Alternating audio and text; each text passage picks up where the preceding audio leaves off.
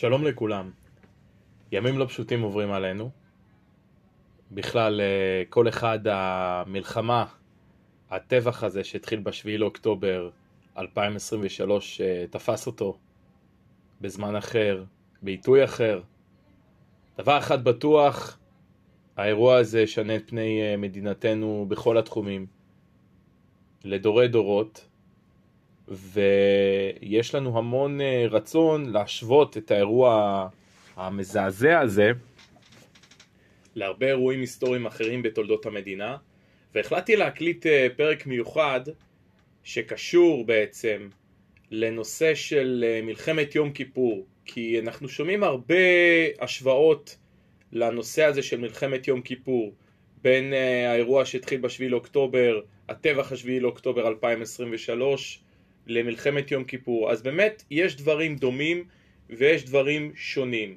אני ארצה בפרק הזה לרגל המצב בעצם להציג גם אה, מה דומה, מה דומה בין האירוע אה, שהתרחש במלחמת יום כיפור אה, למלחמה שאנו נמצאים בעיצומה.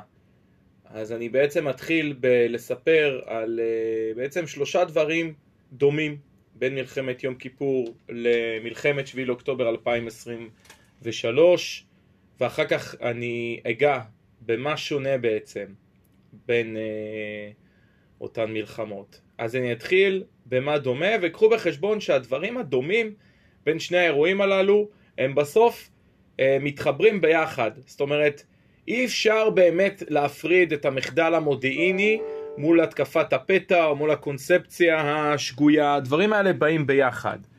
אז יש לנו אה, דברים דומים גם מבחינת מחדל מודיעיני, גם מבחינת קונספציה אה, מוטעית שהובילה בעצם אה, למחדל המודיעיני, זאת אומרת דבר נובע מדבר והתקפת פתע. התקפת הפתע כמובן היא uh, כתוצאה מהמחדל המודיעיני ומהקונספציה השגויה. אז uh, אני אתחיל בעצם בלפרט. גם במלחמת יום כיפור וגם במלחמת השביעי לאוקטובר 2023 היה מחדל מודיעיני. עכשיו אני לא נכנס חברים אה, למי בדיוק אשם במודיעין, מי בדיוק אשם בצבא, יש לי המון מה להגיד על זה, אני פשוט חושב ש... אנחנו עוד אה, נדון על זה הרבה, החברה הישראלית, ותהיה מן הסתם, אני מקווה, ועדת חקירה ממלכתית, ולא ועדת חקירה ממשלתית, שתהיה, ועדת חקירה שתהיה הכי אוב, אובייקטיבית שאפשר, אה, והיא ממש תצביע על אה, האשמה של אנשים, זאת אומרת, מה היה כאן, מי אחראי למצב, מה היה אפשר לעשות אחרת. אבל עד כה באמת אפשר להבין, וזה כולם מבינים, שהיה פה מחדל מודיעיני עצום. גם במלחמת יום כיפור המודיעין לא היה ערוך אה, עד הסוף אה, מבחינת הצבא אה, להתקפת פתע שהייתה ממצרים אה, ובסוריה. המודיעין מאוד הופתע מכך, אה, ש, מכך שתפרוץ מלחמה, מכך שהייתה מלחמה, המודיעין אה, הופתע. אה, וכמובן, אה, גם המודיעין שלנו אה, הופתע ממה שהחמאס, הנבלות הללו עשו, מהעוצמה של המתקפה, מכמות ההרוגים, גם אצל חיילינו וכמובן בעורף, הרוגים אזרחים, שזה דבר שהוא בלתי נתפס, כמות השבויים שחמאס תפס, סביר להניח שהערכות המודיעיניות אה, לא באמת חזו את ההיקף, היקף הפגיעה שלנו אה, במדינת ישראל כפי שהחמאס עשה, אה, וכך גם היה ביום כיפור מבחינת איזשהו כשל מודיעיני שהמודיעין לא צפה אה, את אותן התקפות שהיו ממדינות ערב. אז יש לנו מחדל מודיעיני. ואני, רוצ... ואני עכשיו אעבור לנושא של הקונספציה.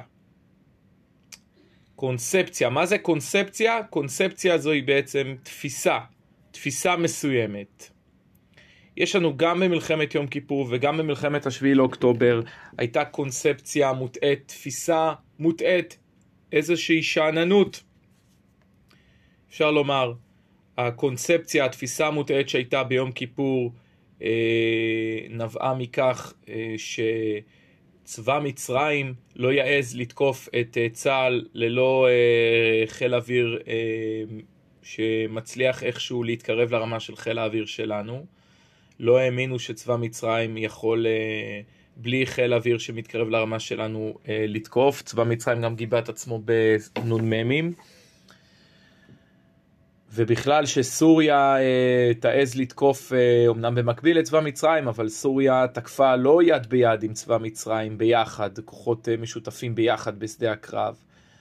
אז אה, הייתה כאן אה, תפיסה מוטעית, תפיסה שנבעה משאננות, וגם באירוע 7 לאוקטובר הייתה תפיסה שנבעה משאננות. תפיסה שאמרה, חמאס עכשיו רוצה אה, מורתע, חמאס רוצה לדאוג עכשיו לאזרחים בעזה. חמאס, אם הוא יפתח במערכה, הוא יוביל לפגיעה כלכלית אנושה בתושבי עזה. חמאס רוצה לרצות את תושבי עזה.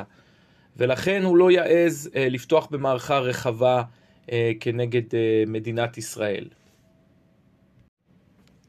דבר דומה נוסף בין מלחמת יום כיפור למלחמת אה, שביעי באוקטובר, זה כמובן, אה, זוהי כמובן התקפת פתע. הצבא, מה שנקרא, נתפס עם המכנסיים למטה.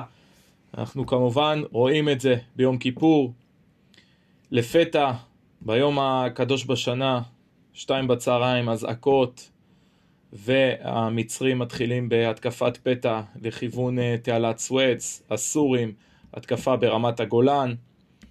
ושביעי לאוקטובר, עוד יום קדוש לנו, חג uh, שמחת תורה, סוף סוכות, ושעה uh, שש ועשרים, uh, אם אני לא טועה, מתחילות uh, אזעקות, צבע אדום, ולא רק באזור רצועת עזה, באזור העוטף, אלא גם ליישובי המרכז. אני בעצמי התעוררתי מהיציאות, מה שנקרא, של כיפת ברזל. אני ואשתי לא הבנו מה הסיפור וכבר עשר דקות, עשרים דקות אחר כך כבר היו אזעקות במרכז. וכמובן לאחר מכן ההתקפה הברוטלית והמזעזעת של אנשי חמאס וכל מיני כנופיות למיניהם שהגיעו מעזה ופשוט טבחו בנשים וטף, בחיילים במוצבים. באזרחים. התקפת פתע מזעזעת אה, וברוטלית.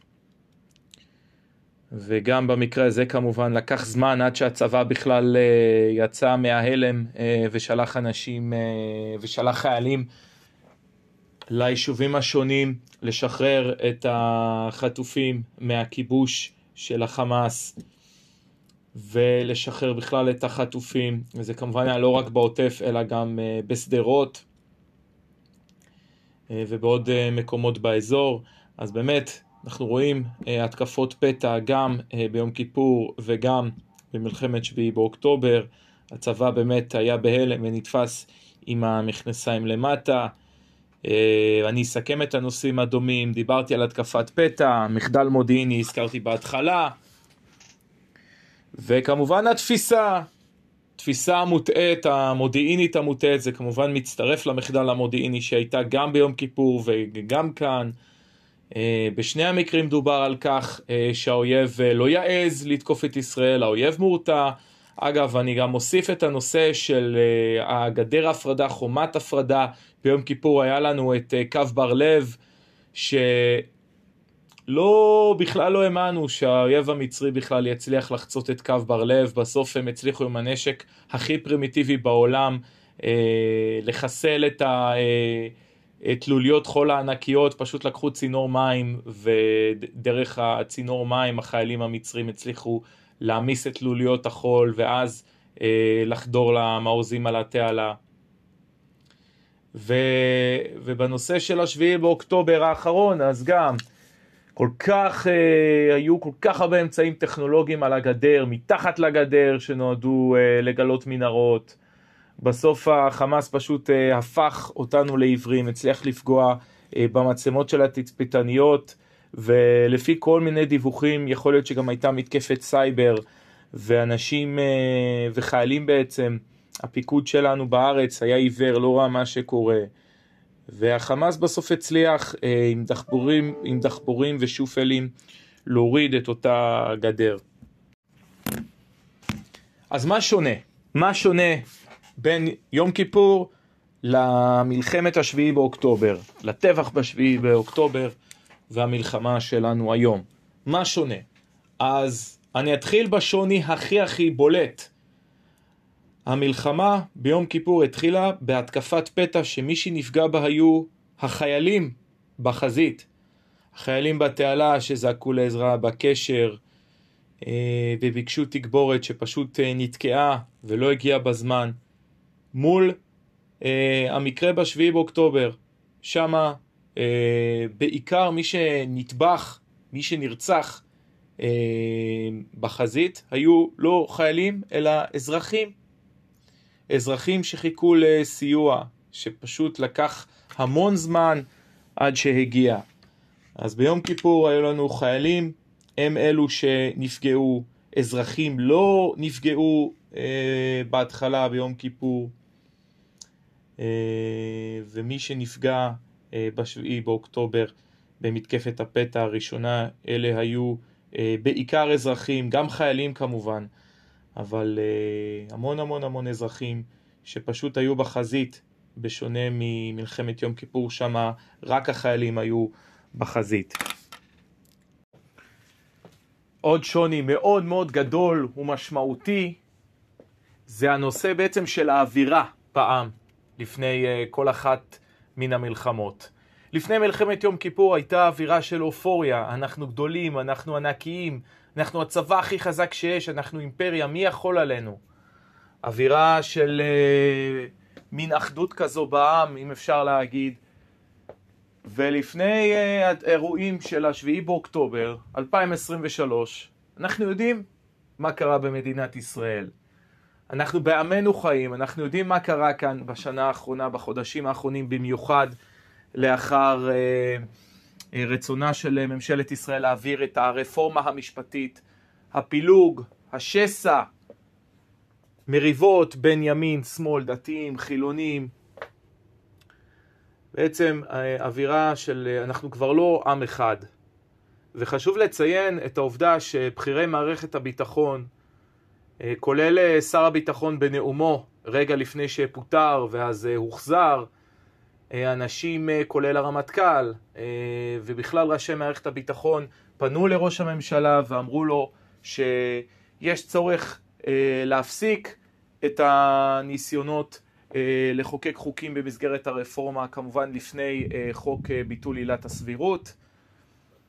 ובכלל אמרו שצריך להשיג איזושהי פשרה ולעצור, כי אם לא נעצור, יש סכנה בעצם לפגיעה בכשירות, בכשירות הצבא, אך ראש הממשלה החליט בכל זאת להעביר את חוק ביטול עילת הסבירות. וזהו, בעצם אה, מאוד ברור, האווירה שהייתה ב... לפני מלחמת יום כיפור והאווירה שהייתה לפני, לפני האירועים של השביעי לאוקטובר 2023. אה, מאוד עצוב לי אה, שאנחנו הרבה פעמים צריכים מלחמה כדי להתאחד. כמו שברי אומר בשירו, ברי סחרוף הגדול אומר בשירו, רק מלחמה אם תבוא תחזיר אותנו הביתה. אה, זוהי גם משאלת לב שלי, שנצליח להיות מאוחדים גם בימי שלום ולא רק בימי מלחמה. אז הנושא של האווירה במדינה מאוד ברור, ההבדלים הגדולים בין מה שהיה לפני מלחמת יום כיפור uh, לבין, uh, לבין מה שקרה לפני האירועים של השביעי uh, לאוקטובר. בעמנו אנחנו חיים, אנחנו יודעים מה הייתה האווירה כאן. ועוד הבדל אה, יותר פשוט, לא יודע אם יש כל כך מה להרחיב עליו, בין המלחמה שלנו כיום לבין מלחמת יום כיפור, זה שהמלחמה אה, של השביעי באוקטובר, המלחמה שלנו היום התחילה עם אה, חזית אחת בדרום מול החמאס. זה נכון שיש כל מיני עניינים עכשיו עם החיזבאללה בצפון, אבל עדיין אנחנו לא מדברים ממש על מלחמה, אלא יותר התגרויות כאלה של החיזבאללה, מתיחות, זה עדיין לא ממש מלחמה. בסופו של דבר האירוע התחיל עימות בדרום מול החמאס, וזאת לעומת יום כיפור, שם היה לנו גם חזית בדרום וחזית בצפון שנפתחו במקביל. אז אני אסכם את מה ששונה, אמרנו ביום כיפור הייתה התקפה על חיילים, התקפת פתע על חיילים מול uh, התקפה על אזרחים בעורף, כמובן גם חיילים הותקפו בין אם במוצבים ובין אם חיילים חללים שלנו שנפלו בהגנה על התושבים, אבל חלק גדול מהנפגעים זה אזרחים, זה בשביעי לאוקטובר וזה חשוב uh, לציין, מול רק חיילים שנפגעו uh, ביום כיפור. במתקפת הפתע. אווירת פילוג כיום מול אווירת אופוריה שהייתה אה, ביום כיפור טרם המלחמה. טרם המלחמה שלנו היום הייתה, אה, יצאנו אליה עם אווירת פילוג, אווירה של שסע וקרע בעם. וחזית אחת אה, במלחמה הזו שהתחילה בדרום מול החמאס, מה עם החיזבאללה בהמשך, אה, נכון להקלטת פרק זה, אלוהים יודע, אנחנו כרגע עדיין לא יודעים בדיוק. אה, ויום כיפור כמובן המלחמה התחילה בעצם בשתי חזיתות, צפון מול סוריה ובדרום מול מצרים במקביל. חברים, אני אאחל לכולנו אה, באמת, באמת, באמת, באמת אה, ימים טובים ושקטים לעם ישראל שהסתיימו בניצחון. תנחומיי לכל מי שמכיר אה, חייל שנהרג בהגנה על מולדת, וכמובן אה, תנחומיי לכל מי שמכיר אזרח שנרצח, ותנחומיי בכלל אה, לכל משפחות ההרוגים, נרצחים, כל מי שמכיר מישהו שנחטף, כולי תקווה שהחטופים ישובו במהרה, גם הנעדרים, זהו חברים, תודה רבה שהאזנתם. אתם אה, מוזמנים כמובן להיכנס לאינסטגרם של הערוץ, אה, להקליד היסטוריה בעשר דקות ולהמשיך לעקוב אחריי. מאחל לכולנו ימים שקטים וטובים וניצחון לנו למדינת ישראל. תודה רבה, אני הייתי טל.